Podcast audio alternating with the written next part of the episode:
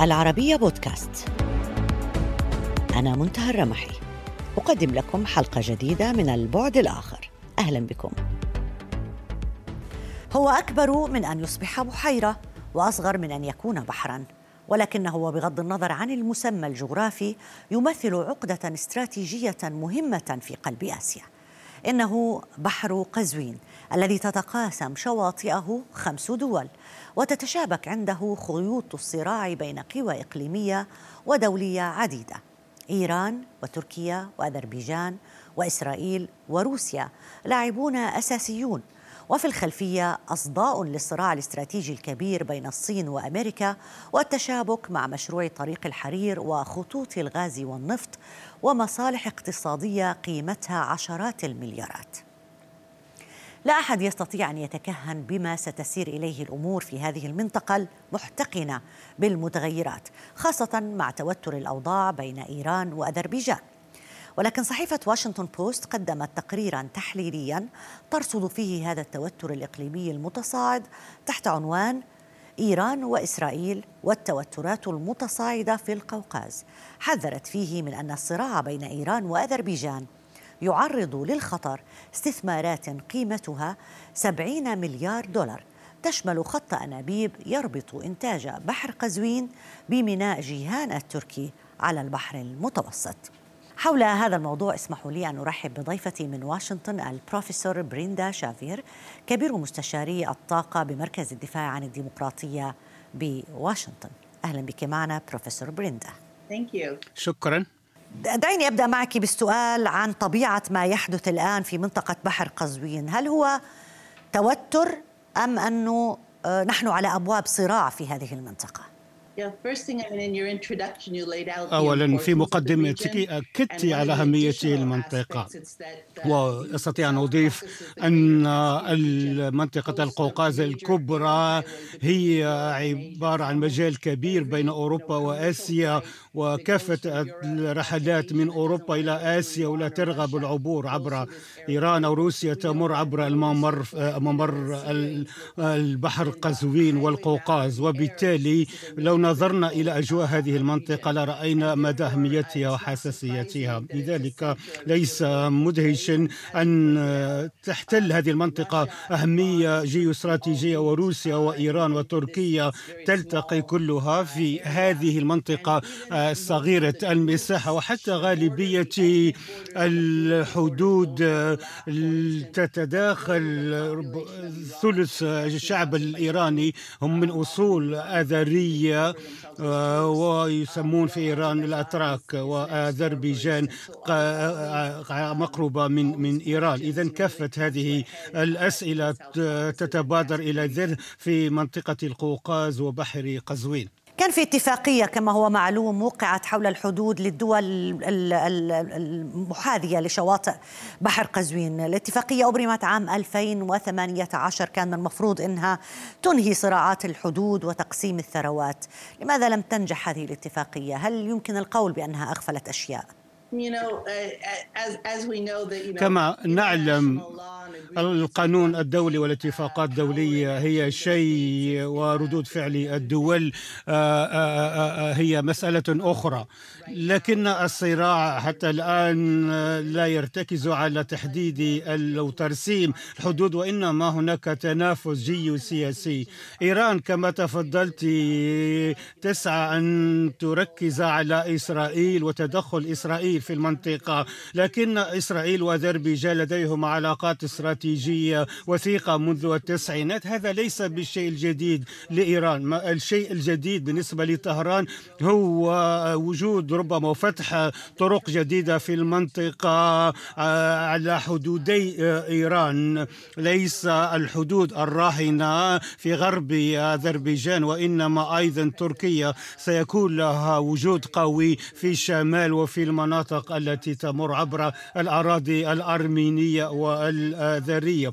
هناك سبب آخر ظهر ورأينا ذلك مرة أخرى في عامي 2011 و2012 كلما ساعدت الولايات المتحدة على التفاوض بشأن خطة العمل الشاملة المشتركة تدرك إيران أن لديها ربما اليد الطولى والولايات المتحدة تريد أن تسعد إيران للانضمام إلى الاتفاق وبالتالي إيران تتهجم على حدود على جيرانها. وتعرف أنها لن تواجه وهذا يعطيها شهر عسل للقيام بهذه الأنشطة. وهناك حكومة جديدة في إيران على الرغم من أن اتخاذ القرار هو المرشد الأعلى خامنائي ولكن بالنسبة لإدارة شؤون البلاد اليومية هناك فريق حكومي جديد لا يتمتع بالتجربة ويريد أن يتبنى مواقف شجاعة وجريئة مع ما يترتب عليها من تبعات. يعني هل أفهم من كلامك أنه هذه المناورات التي تقوم بها إيران على الحدود الأذربيجانية آه، والتي هي متواصلة الحقيقة ومستمرة هل تأتي فقط في سياق الابتزاز أو الضغط من أجل الحصول على مكتسبات أكبر آه، في حال العودة لطاولة المفاوضات على الاتفاق النووي؟ نعم آه، آه، أعتقد أن التمارين أو المناورات العسكرية الرغبة من ورائها هو تخويف أذربيجان. وأعتقد أن إيران تخشى اتفاق سلام كامل بين أذربيجان وأرمينيا وهذا يحرم إيران من تأثيرها في المنطقة آه، وجدير بالاهتمام أن إيران تحاول أن تسوغ سياستها في الشرق الأوسط وتوحي بأنها تهتم بالمسلمين وتدعمهم. ونرى ذلك في القضية الفلسطينية. على سبيل المثال أرمينيا طردت الملايين من منازلهم في بداية الحرب في التسعينات والآن قامت بتدمير منازلهم. وقد عدت إلى المنطقة وزرت المناطق المتحررة ورأيت البيوت وال كذلك المساجد المدمرة.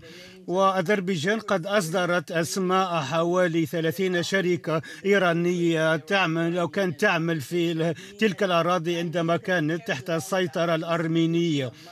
فإيران لا تكترث بطرد المسلمين رغم ادعائها لذلك. ومن الواضح جيد أن التعاون مع سلطات الاحتلال إذا كانت تفيد إيران وتؤثر على المسلمين الذين يفقدون حياتهم وبيوتهم فهذا ليس بالتضامن الإسلامي على الإطلاق. يعني المعادلة مختلفة ومقاييسها مختلفة في ال... وأينما ترى إيران مصلحتها مهما كان الطرف سواء كان من حيث الطائفة كما هم الأذربيجانيين هم شيعة في نهاية الأمر إلا أنه طريقة تعامل إيران مختلفة معهم عن آه، دعوتها دائما لنصرة المظلومين أو الشيعة في أماكن أخرى في العالم. على الجانب الآخر يتقاطع بحر قزوين مع المشروع الصيني الكبير المعروف بطريق الحرير. إلى أي مدى يمكن أن يؤدي ذلك إلى تدخل القوى العظمى أو أن يمتد هذا الصراع للقوى العظمى؟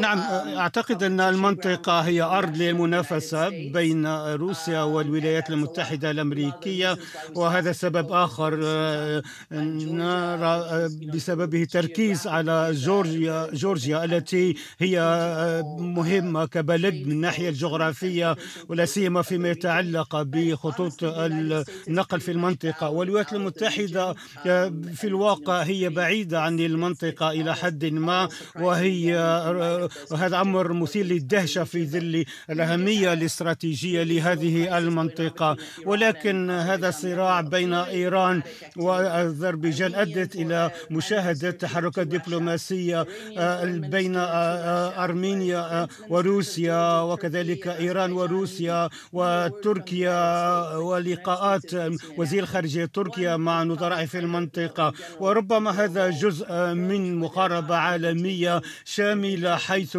ليس هناك اهتمام حقيقي بشأن التحديات الجيوسياسية ولكن هذا قد يعود لعدم توفر حماسة لدى هذه الأطراف فيما يتعلق بالأهمية الجيوسياسية للطاقة وهذا أمر مهم في السياسة الخارجية الأمريكية وكذلك السياسة الاقتصادية. ولكن آه، هناك تأكيد على العودة إلى الاتفاق النووي وبالتالي ليس مرجحا أن نشهد ربما إدانة أمريكية أو مشاركة حثيثة أمريكية إزاء سلوك إيران في المنطقة. لأنه دائما عندما نحاول قراءة ما يحدث في هذه المناطق في خلفية هذه القراءة يكون هذا الصراع القوي ما بين الولايات المتحدة الأمريكية والصين. فنأتي دائما على ذكر طريق الحرير وطرق التجارة وطرق النفط والغاز المختلفة. تحدثت عن تركيا. تركيا وإيران مصالحهم تتناقض في بعض الأحيان. وتتفقان بأحيان أخرى، تركيا وقفت إلى جانب أذربيجان في الحرب الأخيرة، إيران الآن تقف ضد أذربيجان، هل بالنسبة لما يحدث في بحر قزوين، هل إيران وتركيا متفقتان أم مختلفتان؟ أنت على تعلمين أن التحالفات في الشرق الأوسط مرنة للغاية.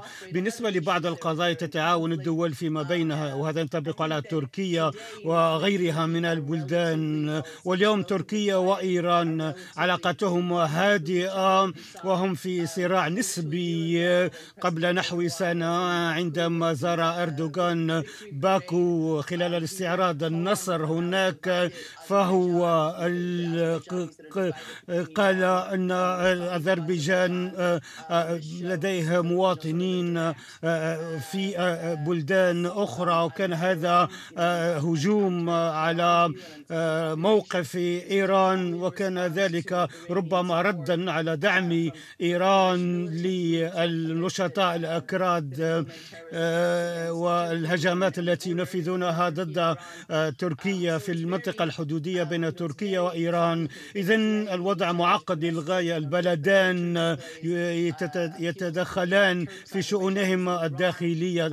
تركيا تدعي أن هناك أذربيجين داخل إيران وإيران تقول أن هناك ربما أتراك داخل تركيا ليسوا بالأتراك الحقيقيين وبالتالي قد نشهد ربما بعض التحركات من البلدين ولكن هناك اتجاهات ناشئة تتمثل في تكنولوجيا الجيش التركي فالجميع يريد أن يشتري الأسلحة التركية وتركيا هي ضمن المعركة الجديدة للقرن الحادي والعشرين. ومن الواضح أن هناك قلق بشأن ايران لدى إيران بشأن هذا. وأود أن أضيف لو سمحت أن هناك جهود جهود تركية للتصالح مع عدد من البلدان العربية وفي منطقة الخليج والشرق الأوسط وهذه عملية أو تحرك يقلق إيران أيضا. صحيح.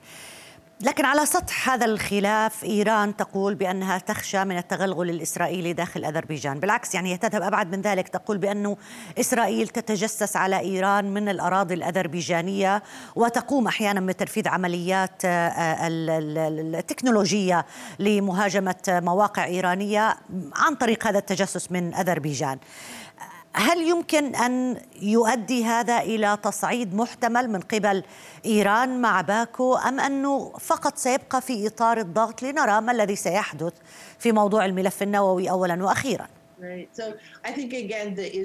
أعتقد مرة أخرى أن مسألة إسرائيل هي مجرد ذريعة. فكما قلت إسرائيل وأذربيجان لديهما علاقات وثيقة وتعاون وثيق والجانبان لم يسعيا لإخفاء هذا التعاون الاستراتيجي بينهما.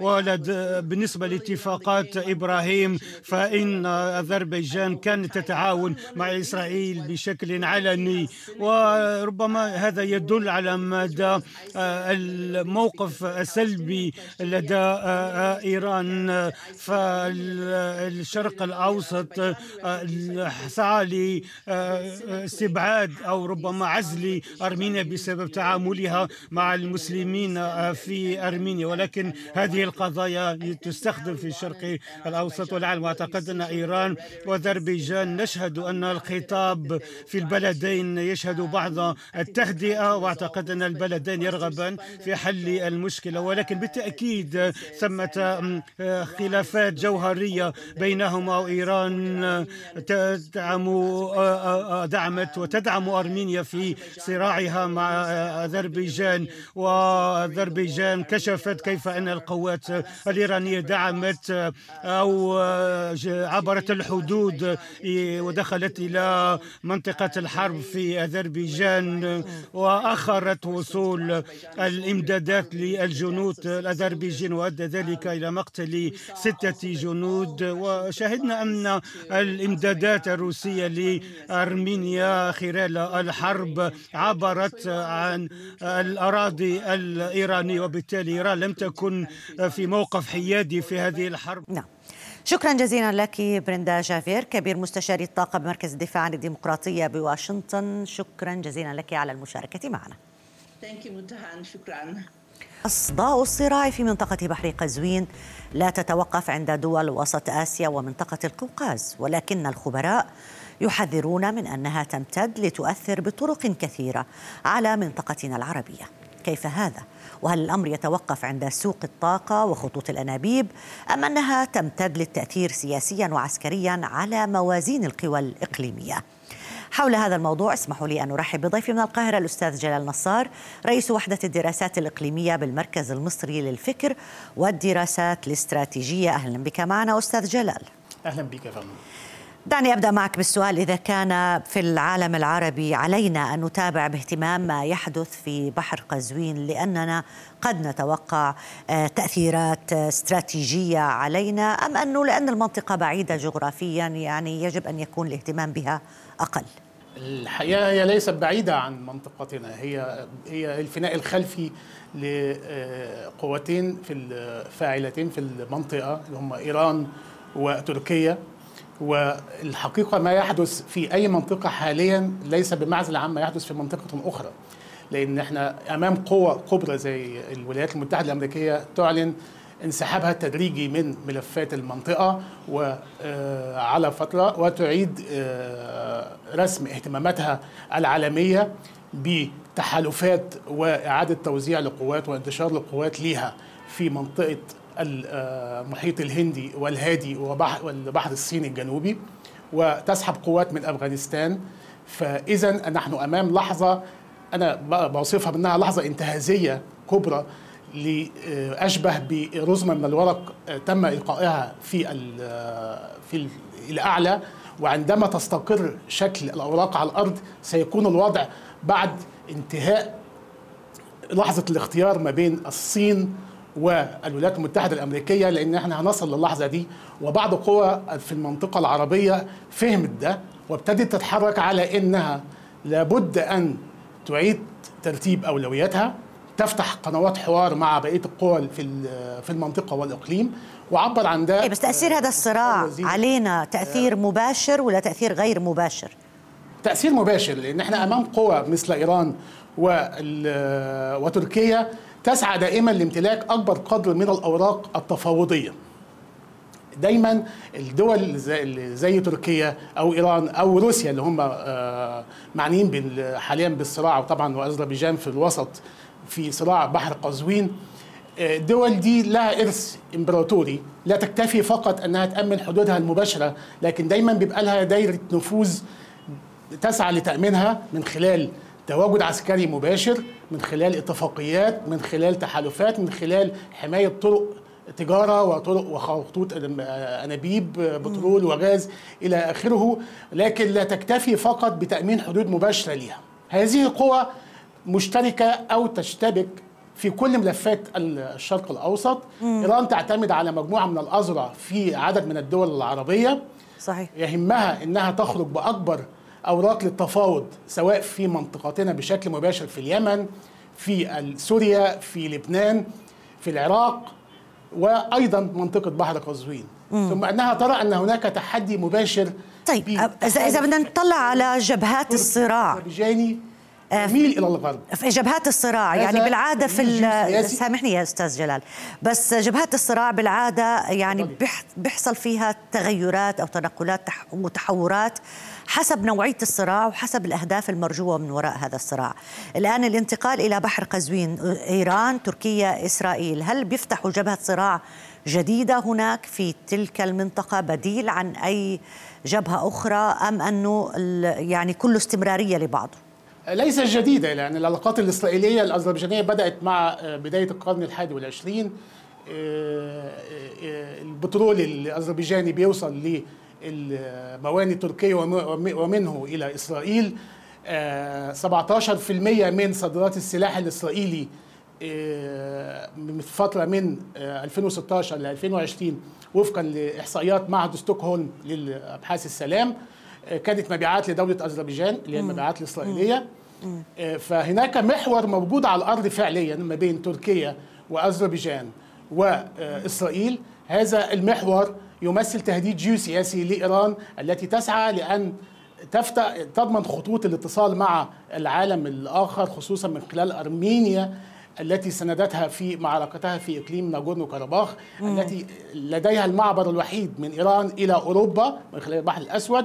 فهذا الصراع يفرض على إيران تحدي وجودي. يعني أنا لا أميل في هذا الصراع إلى أي طرف لأنه لا يوجد فيه طيبون أو أشرار في هذا الصراع فكله يسعى إلى انتهازية مباشرة. أيوه بالضبط. روسيا وين؟ تحقيق أكبر قدر من المكاسب. في هذا الصراع. روسيا آه روسيا في هذا الصراع روسيا من الدول التي لديها براجماتيه سياسية عالية جدا. روسيا عندها أوراق تفاوض مع إيران ومع تركيا في عدد من المناطق سواء في سوريا أو في ليبيا أو في منطقة الخليج العربي. روسيا تضع خطوط حمراء. امبارح كانت لديها عندما تصاعد الصراع وانتشر عدد كبير من القوات في منطقة بحر قزوين وكان هناك من بداية من 12 سبتمبر الماضي حتى الآن عدد لا يقل عن خمس مناورات عسكرية. ما بين قوات نخبة إلى شكل مناورات في حرب أسلحة مشتركة. امبارح أطلقت عدد من الصواريخ المجنحة من كاليبر وأطلقت عدد من الطائرات المسيرة في مناورة استعراضية تقول أنا هنا في بحر قزوين. هذا البحر له قواعد وله حدود. ثم أنها من قبل يعني لو رجعنا ليونيو اللي فات روسيا أبلغت تركيا واذربيجان بشكل واضح اعتراضها على وجود أي قواعد تركية في أذربيجان. لأن هذا ما كان يسوقه أردوغان لحلف الناتو وفي لقائه الأول مع الرئيس الأمريكي جو بايدن عندما أقنعه أنه بعلاقات ووجود تركيا في أذربيجان هي تمد حدود الحلف الناتو إلى حدود الشاطئ بحر قزوين. على الميناء الخلفي لروسيا وإيران. وهذا ما له في كل مكان في حتى استخدموا أو أي تصعيد في المنطقة بضل حلف الناتو كمان في خلفية قراءه ما الذي يمكن أن يحدث؟ بدي أرجع معك أستاذ جلال لأن الموضوع الحقيقة طويل ومعقد ومتشعب ومتشابك. لكن بدي أرجع لتأثير الصراع في بحر قزوين على منطقتنا العربية. ما تأثيره على سوق النفط والغاز العربي؟ هل حقول الغاز مثلا في بحر قزوين منافسة لغاز شرق المتوسط؟ طبعا هناك صراع دائم في هذه المنطقة بسبب الموارد البترولية والطاقة لا ننسى إن أذربيجان بتنتج مليون برميل يوميا من الغاز تنتج 30 مليار متر مكعب مليار متر مكعب من الغاز سنويا فبتساهم في السوق العالمي هذه المنطقة في بحر قزوين بتسيطر على 34% من احتياطات النفط فبالتأكيد لها شير كبير أو لها حصة. نسبة كبيرة من سوق الغاز والبترول على مستوى العالم وبتستخدم حاليا لتخفيف الضغط الروسي على أوروبا وأمريكا كانت دعمت مد خط الغاز إلى اليونان وإيطاليا من أذربيجان. تخفيفا للقبضة الروسية التي تهدد بشكل مباشر حلفائها في أوروبا م.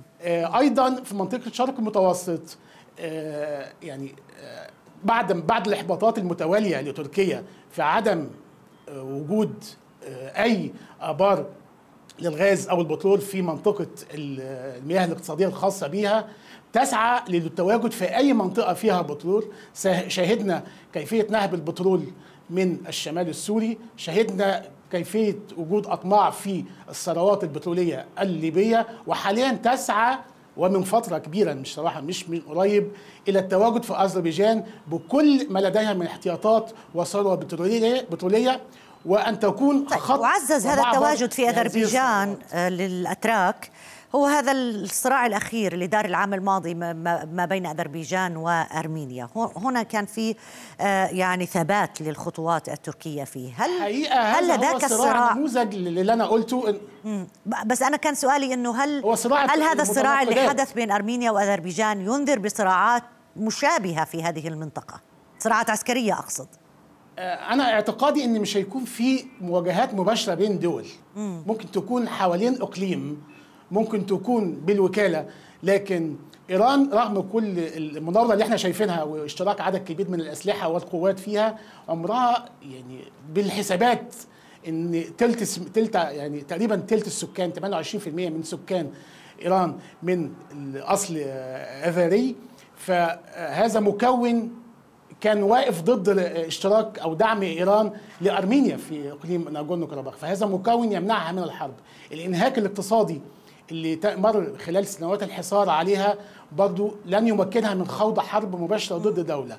وما ننساش إن في تكون بمناورات فقط. وقع ما بين تركيا آه في اتفاق دفاعي ما بين تركيا وأذربيجان تم توقيعه في يونيو الماضي.